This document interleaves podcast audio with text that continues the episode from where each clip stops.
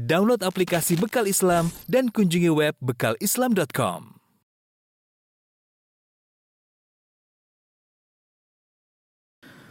Bismillahirrahmanirrahim. Assalamualaikum warahmatullahi wabarakatuh. Alhamdulillahi ala ihsanih wa syukru lahu ala taufiqihi wa amtinani. Asyhadu an la ilaha illallah wahdahu la syarika lahu ta'ziman li sya'nih.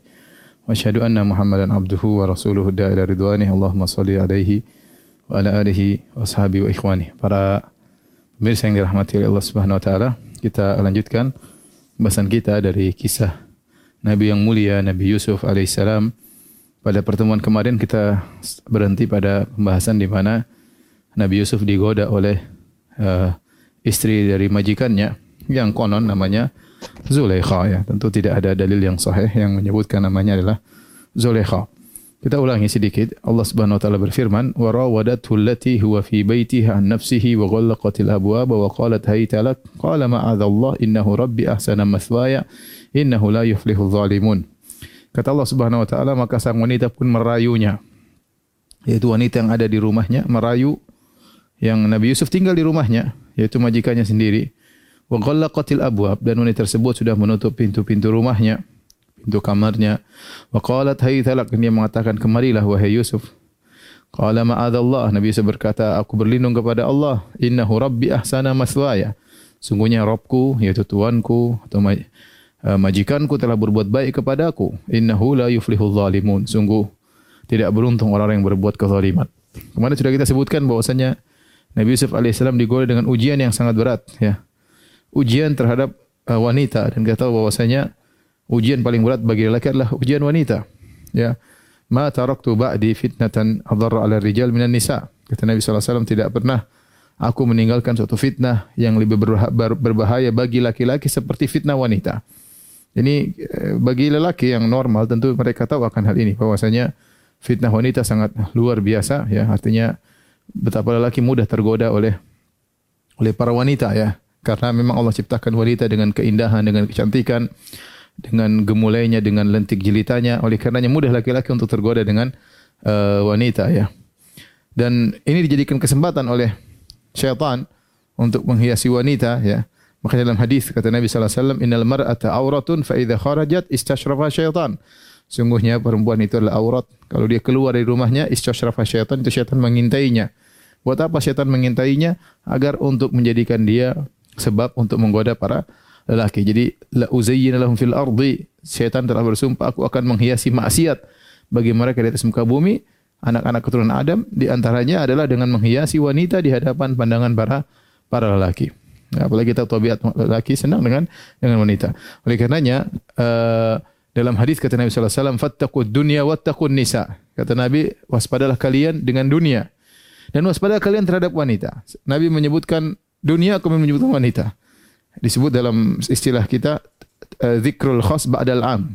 Menyebut yang khusus setelah menyebutkan yang umum. Bahwasanya wanita bagian daripada dunia tetapi fitnah dunia masih umum Rasulullah sebutkan secara khusus fitnah wanita ya. Fa inna awwala fitnati bani Israel kanat fin nisa. Kata Nabi fitnah yang pertama kali menimpa bani Israel pertama pada fitnah wanita. Oleh karenanya Nabi SAW tatkala menyebutkan tentang orang yang salah niat waktu berhijrah Kata Nabi sallallahu alaihi wasallam, "Wa man kanat hijratuhu lidunya yusibuha aw imra'atin yankihuha, fa hijratu ila ma ilaih." Barang siapa yang berhijrah niatnya untuk mencari dunia atau mencari wanita untuk dia nikahi. Subhanallah, penyebutan wanita khusus setelah penyebutan dunia. Ini menunjukkan bahwasanya fitnah paling berbahaya bagi laki-laki adalah fitnah wanita dan ternyata Yusuf alaihissalam digoda dengan fitnah yang paling berbahaya, mengalahkan fitnah jabatan, mengalahkan fitnah uh, ketenaran, mengalahkan fitnah harta ya. Eh, mengalahkan fitnah kepemimpinan fitnah wanita. Fitnah wanita terutama wanita tersebut cantik jelita. Kita sudah sebutkan beberapa uh, godaan yang terkumpul pada Yusuf alaihissalam tatkala itu. Pertama kita sebutkan dia orang asing. Yang kedua dia masih muda masih muda yaitu uh, syahwatnya bergelora tentu lebih lebih bergejolak lebih daripada orang-orang tua. Ya kecuali tua-tua keladi kata kita kemarin. Kemudian yang ketiga uh, dia di rumah majikannya. Tidak ada yang tidak ada yang akan menuduh macam-macam. Di rumah biasa di, memang dia tinggal di situ ya. Saya sudah sampaikan Rasulullah SAW bersabda alhamu maut. Sungguhnya saudara suami itu maut bagi seorang wanita. Ya, bisa wanita iparnya datang ke rumahnya. Tidak ada yang menuduh tidak tidak. Namanya ipar main ke rumah biasa, tapi berbahaya. Bisa jadi dia jatuh cinta kepada iparnya tersebut atau sebaliknya suaminya jatuh cinta kepada iparnya sendiri ya dan ini dan ini mungkin terjadi dan sudah terjadi bahkan. Oleh karenanya uh, godaan berikutnya uh, ajakan untuk berzina tersebut terjadi di rumah majikan. Ya, tidak tidak ada yang majikan sama pembantu, pembantu sama majikan, enggak ada yang curiga ya. Kemudian yang keempat, godaan berikutnya yang keempat, wanita yang menggodanya ini adalah wanita cantik, bukan sembarang ya. Bukan wanita jalanan, wanita terkenal cantik. Bagaimana tidak cantik dia adalah istri Imra'atul Aziz. Allah mengatakan qalat Imra'atul Azizi. Imrah Al-Aziz maksudnya pembesar Mesir. Ya tidak mungkin namanya pembesar Mesir kemudian nikah dengan sembarang wanita. Dia pasti milih wanita yang cantik, wanita yang muda, wanita yang terpilih dan itulah wanita yang sedang menggoda Yusuf alaihissalam bukanlah wanita sembarang, tapi wanita yang cantik ya, yang menggoda. Ya, kalau wanita mungkin kurang cantik seorang tidak tertarik, tapi yang goda wanita cantik. Kemudian berikutnya godaan berikutnya wanita ini menghias dirinya, dia sudah mempersiapkan dirinya. Jadi kecantikan di atas kecantikan. Sudah cantik dia rias dirinya untuk menggoda Yusuf alaihissalam. Kemudian yang berikutnya dia yang mulai menggoda ya. Godaan berikutnya betapa banyak laki-laki berdua-duaan dengan wanita dia tidak tahan hari dia yang mulai menggoda. Dia yang mulai menggoda. Makanya Nabi SAW mengatakan la yakhluwanna ar-rajulu bimra'atin illa kana syaitanu thalithahuma. Tidaklah laki-laki berdua-duaan dengan wanita kecuali syaitan yang ketiga. Artinya apa syaitan yang mulai membisikkan apa namanya menghias maksiat tersebut artinya laki-laki yang mulai menggoda. Dan banyak laki-laki dia menggoda malu, tidak berani tetapi begitu wanita yang membuka pintu, wanita yang mulai menggoda maka bergoyang imannya ya, bergoyang imannya ya. Kalau dia punya jenggot bergoyang jenggotnya ya. Semuanya tergoda namanya wanita, cantik mau diapain? Ternyata wanita yang ya, yang yang yang menggoda ya. Wanita yang menggoda. Kemudian di antara fitnah yang luar biasa tempatnya tertutup wa ghallaqatil abwab. Semua pintu tertutup. Artinya kalau dia bermaksiat berzina dengan sang wanita tidak ada yang tahu. Ini ujian yang sangat luar biasa. Seorang benar-benar diuji oleh Allah tatkala dia hendak bermaksiat enggak ada yang lihat. Ya, mungkin berzina, istrinya enggak tahu, anaknya enggak tahu, CCTV juga tidak ada. Yang ada cuma malaikat yang mencatat sama Allah Subhanahu wa taala. Ini godaan yang berat. Bagi orang yang tidak beriman dengan hari akhirat, bagi orang yang tidak beriman dengan catatan malaikat, maka mudah bagi dia. Karena perhitungannya dunia, ya sudah enggak istri enggak lihat, orang tua enggak lihat, anak enggak lihat, teman enggak lihat. Ya sudah melakukannya. Kalau orang takut dengan hari akhirat, malu dengan catatan malaikat, maka dia akan berpikir panjang. Apa yang dilakukan ini akan dicatat oleh malaikat. Dan akan lihat catatannya pada hari uh, kiamat kelak. Ya. Uh, oleh karenanya, tatkala ada seorang lelaki merayu wanita, kemudian dibawalah wanita tersebut ke tengah padang pasir, kemudian dia ingin berzina dengan wanita tersebut, maka laki-laki tadi laki-laki tadi menenangkan hati wanita dia berkata, ya, tidak ada yang bersama kita illa kawakib kecuali bintang-bintang yang melihat kita. La yarona illa kawakib. Tidak ada yang melihat kita kecuali bintang-bintang. Artinya sudah kita berzina aja enggak ada yang lihat. Maka wanita tersebut berkata, "Fa aina mukawkibuha?" Terus mana yang ciptakan bintang-bintang? Apakah tidak melihat kita?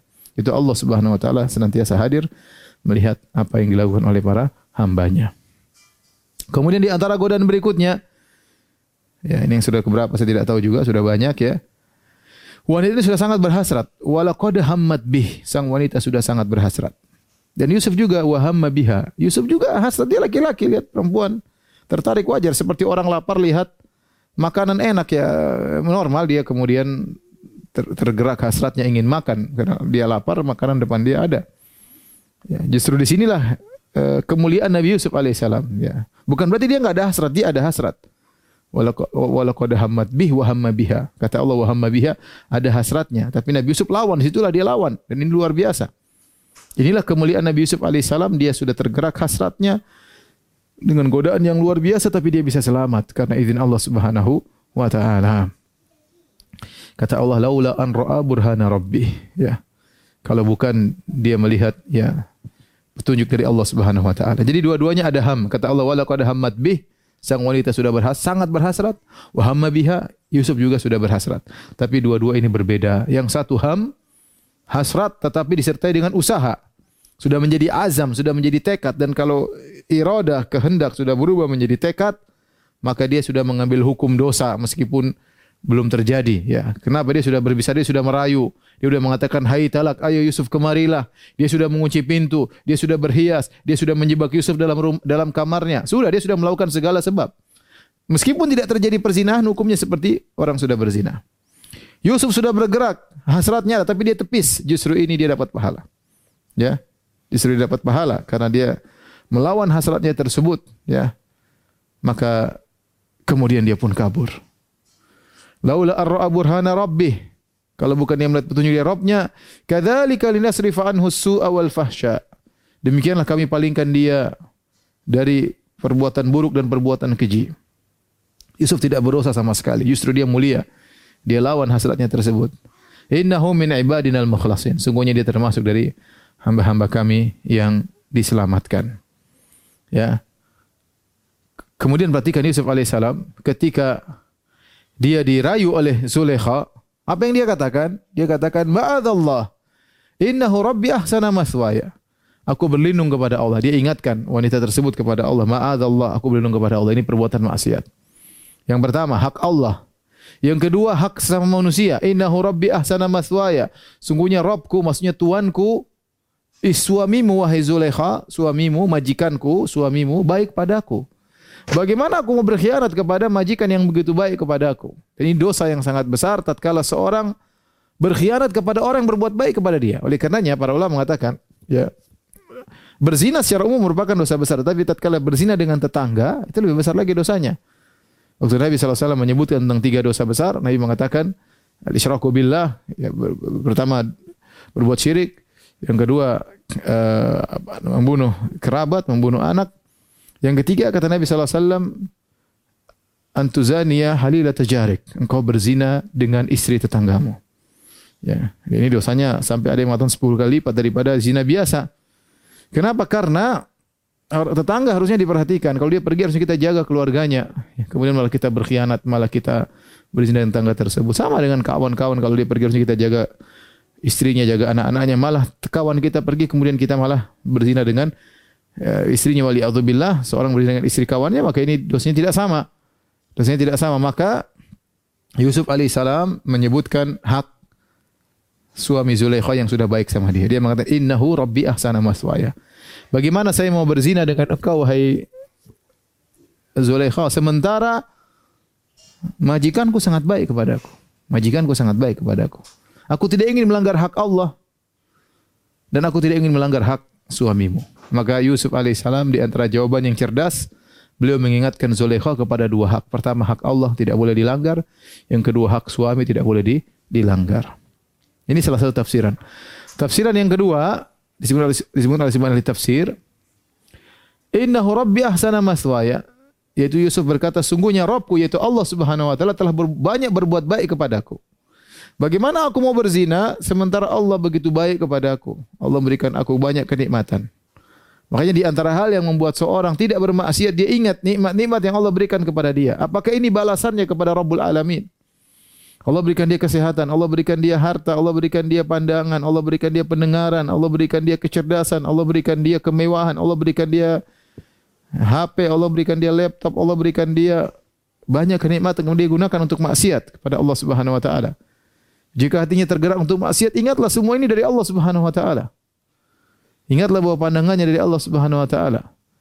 Apakah dia syukuri nikmat tersebut dengan membanggang perintah Allah Subhanahu wa taala?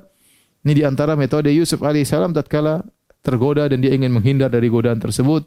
Dia mengatakan innahu rabbi ahsana maswaya. Sungguhnya Rabbku telah berbuat baik kepada aku. Bagaimana aku bermaksiat kepada Allah? Jadi eh, firman Allah perkataan Nabi Yusuf innahu rabbi. Sungguhnya ini Rabbku ada dua pendapat. Pendapat pertama yang dimaksud dengan Rabbi adalah majikanku yaitu suaminya Zulekha. Pendapat kedua Rabbi maksudnya Allah Subhanahu wa taala. Akhirnya apa yang dilakukan oleh Yusuf alaihissalam? Kata Allah Subhanahu wa taala, "Wastabaqal baba." Maka keduanya berlomba menuju pintu. Kabur Yusuf.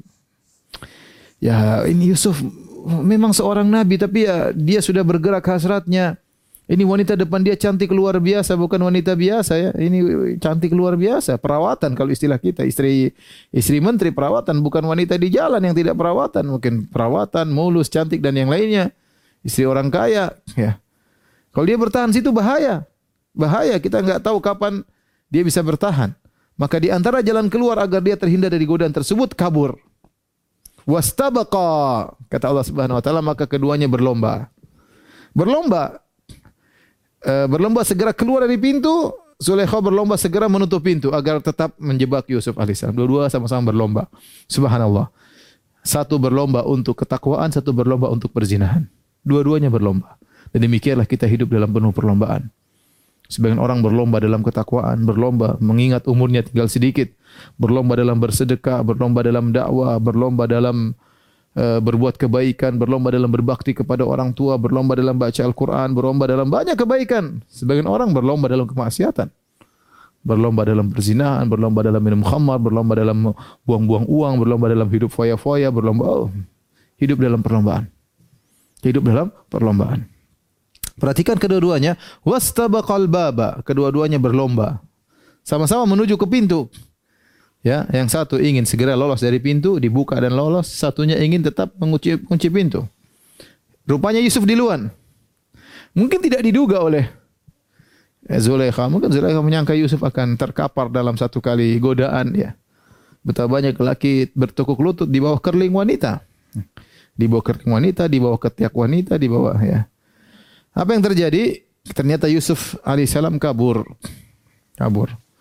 Sang Zulaikha terlambat, apa yang dilakukan? Wa qaddat qamisahu min duburin.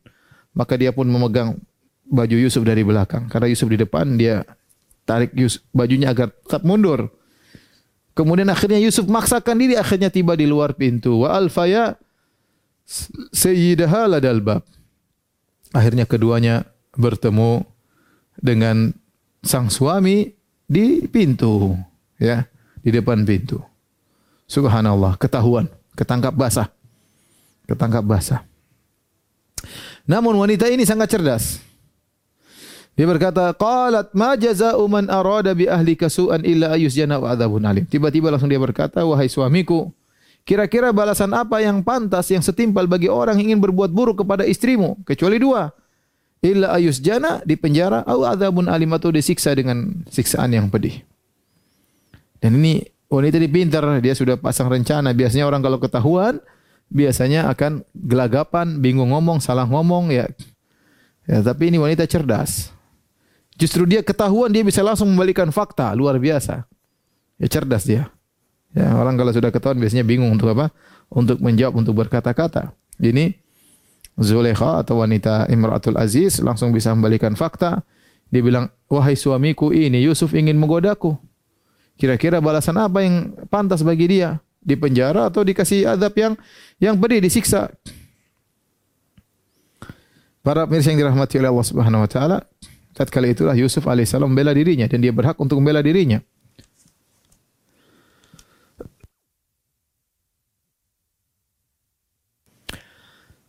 Maka Yusuf berkata, "Qala hiya rawadatni an nafsi." Dialah yang merayuku.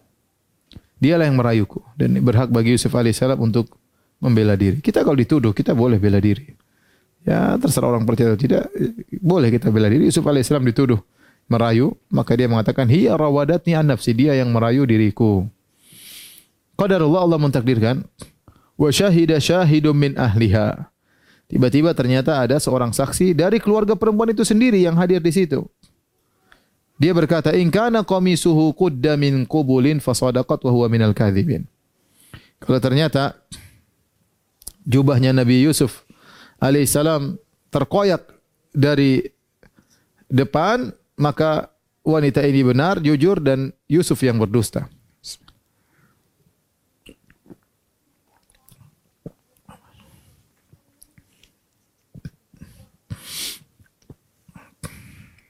Wa in kana qamisuhu qudda min duburin fakadzabat wa huwa minas sadiqin. Tapi kalau ternyata baju baju Yusuf koyak dari bagian belakang, berarti Yusuf yang jujur, wanita yang berdusta. Ini logika, logika yang sangat wajar. Ya, tidak ada dan ini dalil bahwasanya kita boleh berdalil dengan korinah dengan petunjuk meskipun tidak di hadapan mata tapi korinah indikasi menunjuk kalau kalau bukti yang nyata tidak kelihatan maka boleh dengan indikasi yang ada. Boleh dengan indikasi yang ada, ya.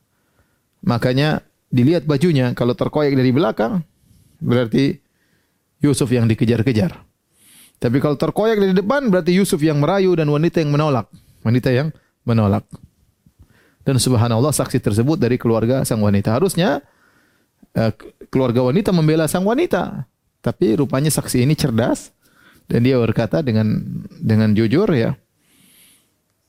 Akhirnya falamma ra'a qamisahu qudda min duburin qala innahu min kaidikun.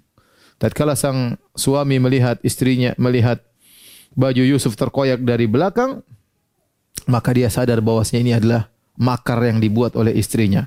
Qala innahu min kaidikun. Ini rupanya rencana engkau wahai istriku. Inna kaidakunna azim. Sungguhnya makar kalian sungguh besar. Subhanallah suaminya tahu ketahuan ternyata istrinya merayu laki lain. Maka suaminya berkata, Yusuf a'rid an hadha wastaghfir li dzambik innaki kunti minal khatiin. Kata suaminya, wahai Yusuf, berpalinglah engkau dari ini. Yusuf tidak salah. Sudahlah engkau berpaling, lupakanlah kejadian ini. Sehingga Yusuf tidak diapa-apain karena dia yang benar. Dan engkau wahai istriku wastaghfir li dzambik. Istighfarlah atas dosamu. Innaki kunti minal. Engkau lah yang salah.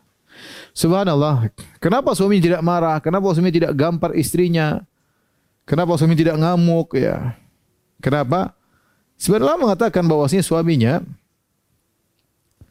uh, memiliki halangan untuk melakukan demikian. Ada yang mengatakan suaminya lemah syahwat sehingga tidak bisa memberi uh, kebahagiaan biologis bagi istrinya sehingga istrinya hanya mencari pelampiasan yang lain sehingga ketika dia tahu istrinya sedang mau selingkuh dia biarin aja dan dia tidak marah apa boleh buat begitulah kondisinya ada yang mengatakan demikian ya ya sehingga dia hanya mengatakan ya sudahlah kau salah wahai Yusuf lupakan ini semua ya berpalinglah dari ini semua. Dia berharap kejadian ini hilang begitu saja.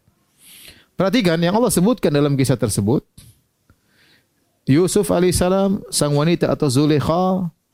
Kemudian yang ketiga adalah sang suami. Yang keempat adalah keluarga dari wanita tersebut. Empat orang aja. Tidak disebutkan pembantu, tidak disebutkan yang lainnya. Ya tetapi dan sang raja atau sang sang menteri ingin berita ini selesai. Tapi subhanallah ternyata ternyata kasus tersebut keluar dari rumah. Tersebar berita menjadi buah bibir. Ya. Menjadi berita yang tersebar di negeri Mesir. Semua ibu-ibu berbicara tentang kejadian tersebut. Subhanallah, mau ditutup-tutupin juga nggak jadi. Jadi itulah kalau sudah kejadian seperti ini akan heboh kemudian tersebar di mana-mana. Tetangga juga sering ngomong, pembantu juga ngomong, akhirnya berita keluar ke mana-mana. Mau ditutup beritanya ternyata malah terbongkar. Akhirnya jadilah bahan gunjingan, sang istri menteri tersebut jadi bahan gunjingan dari ibu-ibu yang ada di Mesir. Allah berfirman, "Wa qala niswatun fil madinati imra'atul azizi turawidu fataha an nafsihi qad syaghafaha hubba inna lanaraha fi dhalalim mubin." Mereka ngobrol di antara ibu-ibu. Ya, berkatalah para ibu-ibu di kota Mesir, "Lihatlah istri dari Pak Menteri, istri dari bangsawan, ngerayu pembantunya, budaknya dirayu. Lucu aneh. Eh, gimana ngerayu budaknya? Qad syagofaha hubba. Sungguh pembantunya pelayannya tersebut, budaknya tersebut telah membuat dia mabuk kepayang. Kok bisa? Wanita luar biasa dari dari ningrat, orang pejabat, kemudian naksir sama naksir sama budaknya sendiri.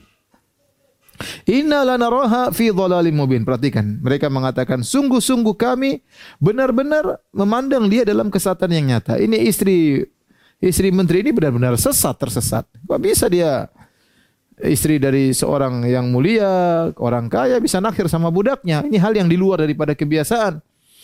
Bagaimana seorang majikan nakhir sama budaknya? No. Ternyata Junjungan mereka ini didengar oleh Zulekha. Kata Allah Subhanahu wa taala, "Falamma sami'at bimakrihinna arsalat ilaihinna wa atadat lahunna muttaka'a wa atat kulla wahidatin minhunna sikina wa qalat ikhruj alaihin." Tatkala Zulekha atau sang wanita mendengar tentang makar ibu-ibu tersebut. Perhatikan di sini Allah menamakan gibah yang dilakukan oleh ibu-ibu tersebut dengan makar. Falamma sami'at bimakrihinna. Tatkala sang wanita mendengar tentang makar ibu-ibu tersebut. Kenapa Allah namakan makar? Ahli tafsir mengatakan karena mereka ngomong-ngomong begitu mengunjungi-unjungi istri pejabat tersebut, mengunjungi mengunjungi Zulekha, menggibah Zulekha, ternyata mereka punya maksud. Mereka ingin lihat itu pelayan. Mereka ingin lihat Yusuf. Mereka penasaran ini Yusuf kayak apa sih? Ini permai apa uh, istri pejabat nih wanita cantik. Tidaklah dia tertarik meninggalkan suaminya kepada budaknya kecuali budaknya sangat tampan.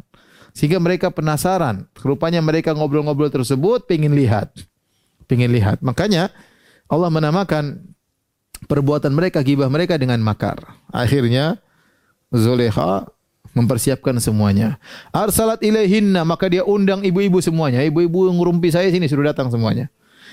Wa atadat lahunna muttaka'a. Kemudian dia pun menyiapkan tempat ber, uh, bersandar, di tempat duduk bagi mereka santai sandar bersandar wa atat kulla wahidatin minhunna sikina ya kemudian uh, dia memberikan setiap ibu-ibu pisau Abdul Razak Hamud ke atas habis lagi pengajian ya nanti ya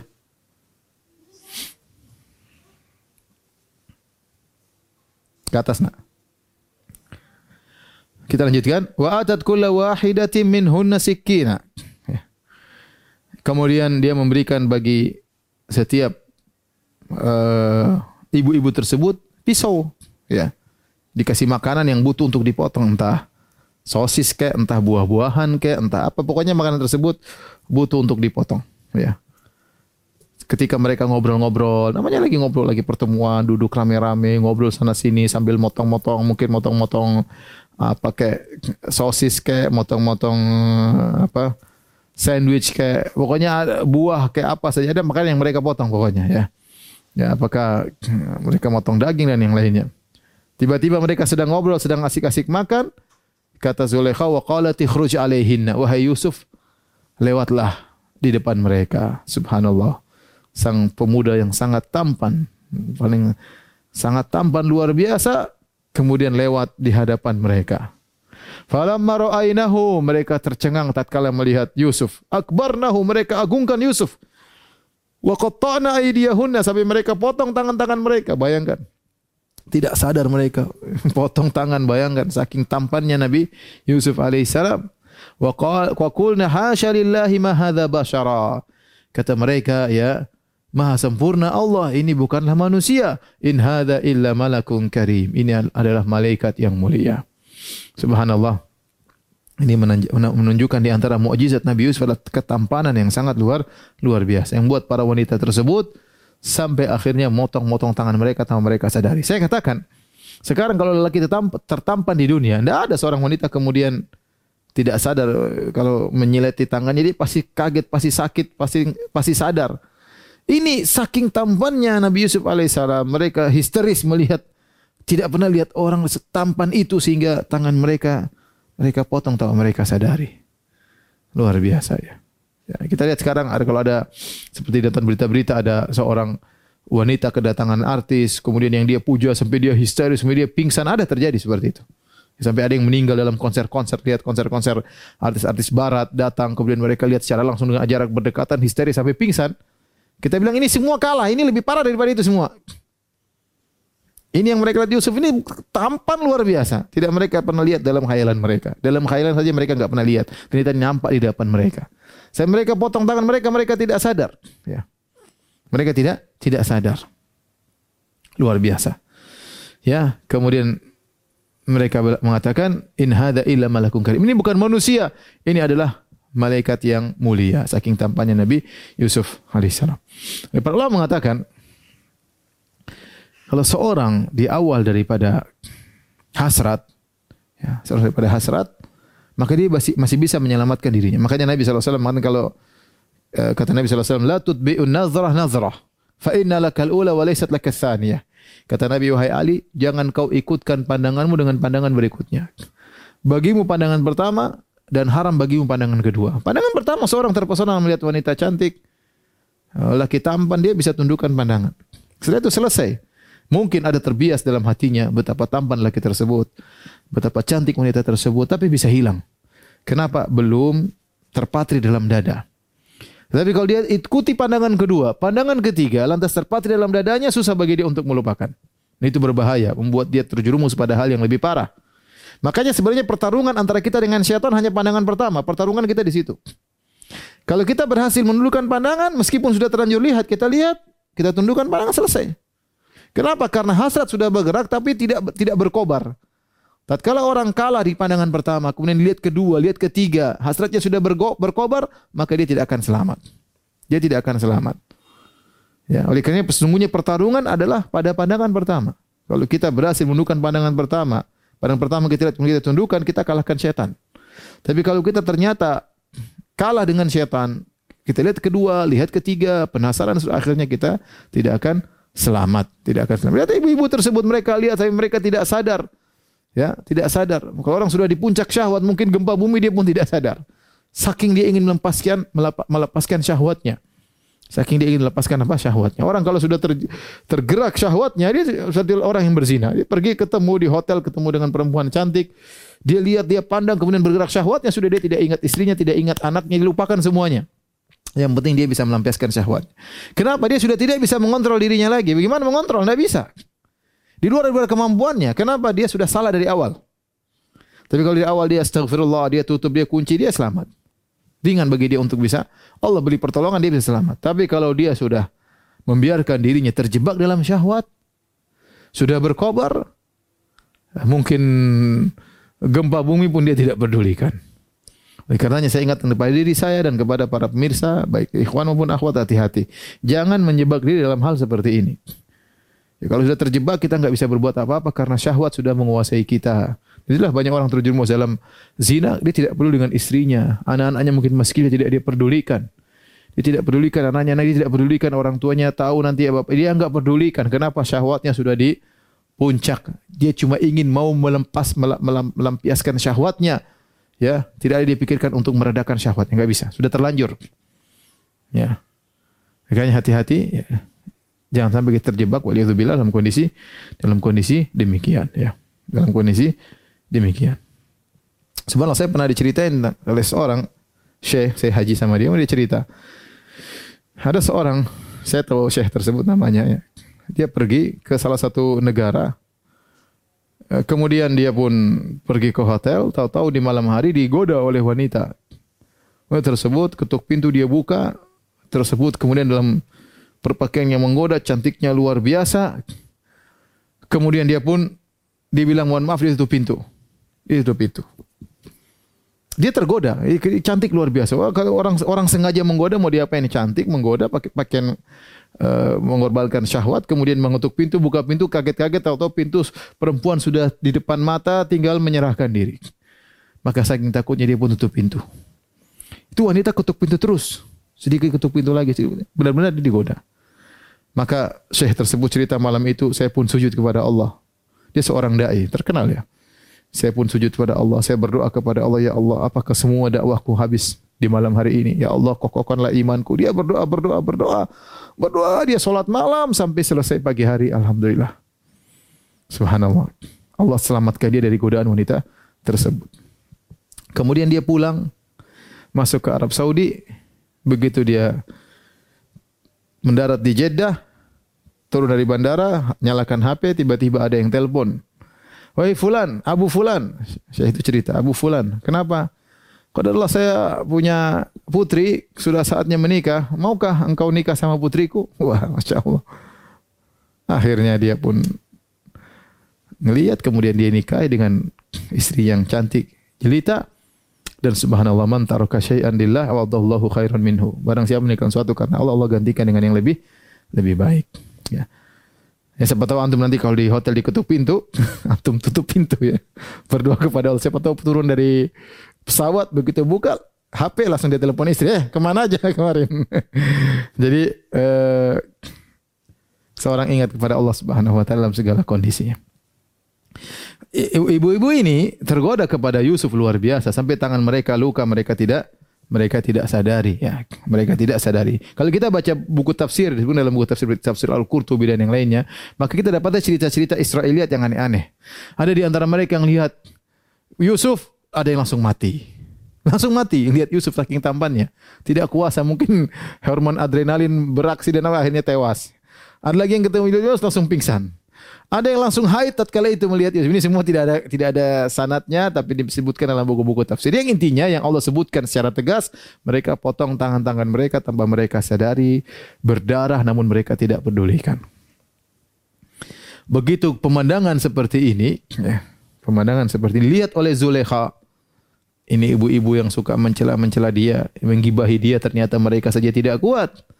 Ya. Akhirnya Zulekha berkata, Qalat fadhalikunna alladhi lumtunnani fi. Itulah orang yang menyebabkan kalian mencela aku karena aku tertarik kepadanya. Itulah Yusuf. Wa qutu'tiya syatral jamal telah diberikan setengah ketampanan. Ya, ketampanan luar biasa, setengah ketampanan manusia diberikan kepada Yusuf. Kayak apa tampannya luar biasa, tidak bisa kita bayangkan. Kalian mencela-mencelaku selama ini, Kalian baru lihat mungkin satu menit, lima menit sudah potong-potong tangan. Mungkin kalau satu jam potong leher kali. Sementara aku tiap hari tinggal di rumah ketemu dengan dia. Tiap hari aku lihat dia di rumah. Gimana tidak tergoda? Qalat fadzalikunna alladzi lumtunnani fihi. Itu kalian aja enggak mampu baru ketemu sebentar sudah kau semua. Aku bagaimana tiap hari ketemu dia di rumah. Maka Zulaikha berkata, "Wala qad rawatuhu an nafsi." Akhirnya dia pun membongkar apa tirai rasa malunya udah nggak malu lagi dia cerita iya memang saya rayu dia subhanallah asalnya asalnya wanita harusnya malu itu perbuatan perbuatan memalukan gimana punya suami kemudian ngerayu laki-laki lain tetapi karena sudah terlanjur dia dia robek tirai rasa malunya. Maka dia ngaku di hadapan ibu-ibu tersebut. Walaqad rawatuhu an nafsi benar sungguh aku telah merayunya untuk diriku. Subhanallah dia nggak punya malu lagi. Ya, karena sudah ibu-ibu juga tersebut sudah pada KO semua. Fasta'sam tapi dia tidak mau dia menahan dirinya. Kemudian dengan nekat dia berkata, "Wala illam yaf'al ma amuruhu la yusjananna wa yakuna minas saghirin." Kalau dia sekarang tidak mau dengan rayuanku, saya mau maksa dia lagi nih. Kata dia tidak punya malu sudah ini Zulekha. Wanita ini saya, saya, namanya bukan Zulekha, tapi orang bilang namanya Zulekha. Saya hanya mengulang-ulang sebut Zulekha agar mudah penyebutannya. Wanita ini akhirnya tidak punya malu lagi dia ngomong di depan yang lainnya, saya mau rayu dia lagi sekarang si Yusuf ini. Kalau dia tidak mau, wala illam yafal ma amuru, kalau dia tidak mau, la yusjananna, maka dia sungguh-sungguh akan dipenjara. Wala yakuna minas sagirin dan dia benar-benar akan termasuk orang yang terhina. Subhanallah. Akhirnya dia rayu di hadapan ibu-ibu yang lain, rayu Yusuf. Berdua dia rayu Yusuf, Yusuf tidak mau. Tatkala itu Yusuf berdoa kepada Allah, bayangkan sekarang ujian berat. Ujian berat, dirayu, dipaksa kalau nggak mau dipenjara. Tambah lagi ujian pertama. Kalau ujian pertama tidak ada ancaman penjara, ujian sekarang dipaksa kalau nggak mau dipenjara. Dan ke, sepertinya kata Ibnu Ibnu Taimiyah rahimahullah dalam Majmu' Fatawa, bahwasanya wanita ini suaminya tunduk sama dia. Jadi masalah Yusuf di penjara atau tidak bukan keputusan suaminya, keputusan dia. Dia bilang Yusuf penjara atau tidak bukan keputusan suaminya, keputusan si wanita ini. Makanya dia mengatakan wala illam yaf'al ma amuruhu kalau dia tidak melakukan perintahku, tidak mau berzina denganku, tidak mau menerima rayuanku, la yusjananna Yusuf akan dipenjara. Wala yakuna minas dan sungguh dia akan terhina menjadi orang hina kalau sudah dipenjara. Apa yang dikatakan Yusuf tatkala digoda dengan godaan seperti ini?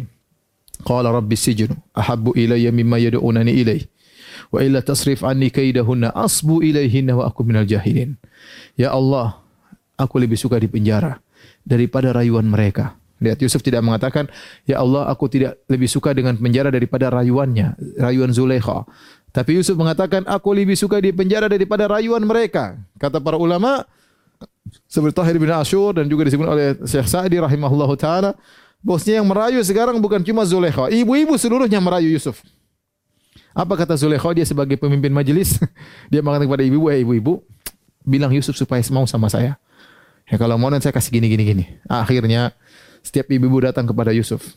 Diutus Mas Zulekho agar ngomongin Yusuf. Yusuf, Yusuf, udahlah mau aja sama Zulekho gitu. Nanti perempuan dua datang lagi. Wah Yusuf, udah mau aja sama Zulekho. Tapi kata sebagian ahli tafsir ternyata yang terjadi berbeda. Saking tampannya Yusuf setiap wanita yang diutus oleh Zulekho, malah ngomongnya beda. Yusuf sudah sama saya aja. Zulaikha lebih bagus saya daripada si Zulaikha. Sudah sama saya aja. Akhirnya setiap wanita ngerayu Yusuf. Setiap wanita ngerayu Yusuf. Makanya Yusuf berdoa, Rabbi sijinu ahabbu ilayya mimma yad'unani ilayya. Ya, lebih baik saya di penjara daripada memenuhi rayuan mereka. Wa illa tasrif anni. Lihat perkataan Yusuf alaihissalam. Bagaimana dia tidak pede dengan imannya. Dia tidak ujub dengan imannya. Dia mengatakan wa illa tasrif anni kaidahunna. Ya Allah kalau kau tidak palingkan aku dari rayuan mereka, ya asbu ilaihinna sungguh aku akan condong kepada mereka. Wa akum minal jahilin aku termasuk orang pelaku maksiat. Subhanallah. Jadi seorang jangan pede dengan imannya. Kita enggak tahu kita sekarang kuat iman di kuda wanita enggak tahu minggu depan enggak tahu besok sore.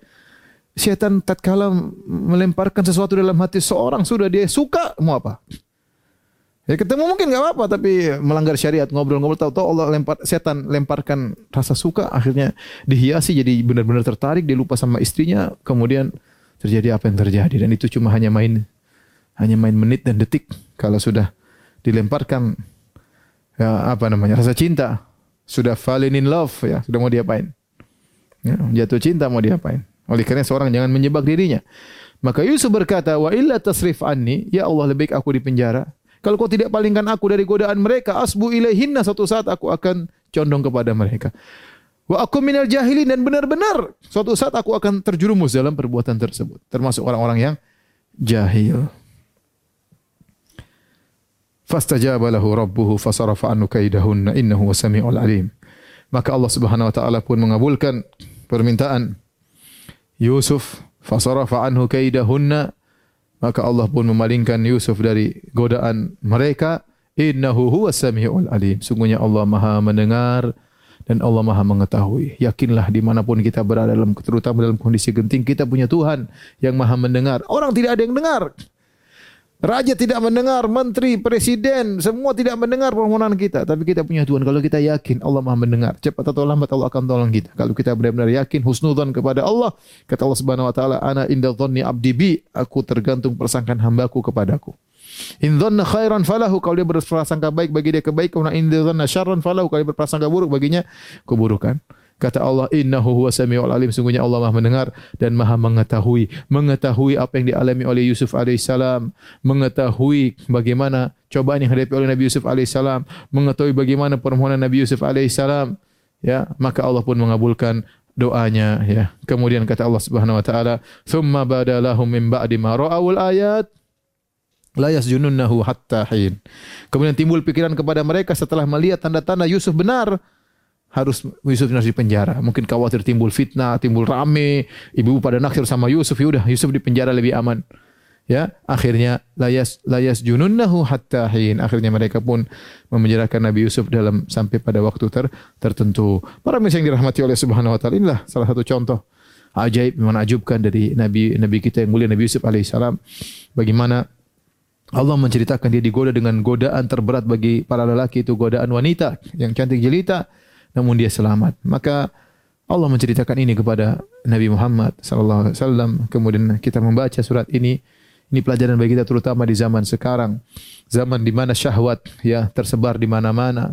Sumber syahwat di pun bisa kita lihat, di HP, di medsos, semuanya bisa kita lihat. Perempuan setiap hari bisa kita lihat perempuan terbuka auratnya. Setiap hari, setiap saat. Kapan kita pegang HP kita pasti melihat. Kapan kita browsing pasti kita akan melihat. Ya. Oleh karenanya tidak ada jalan kecuali kita bertobat kepada Allah Subhanahu wa taala dan benar-benar bertakwa kepada Allah Subhanahu wa taala. Demikianlah para yang dirahmati Allah Subhanahu wa taala. Insyaallah kita lanjutkan uh, mudah-mudahan hari Sabtu ya. Kalau tidak hari Senin uh, kisah Nabi Yusuf seri yang ketiga. Demikian subhanakallah bihamdik asyhadu an la ilaha illa anta astaghfiruka wa atubu. Assalamualaikum warahmatullahi wabarakatuh.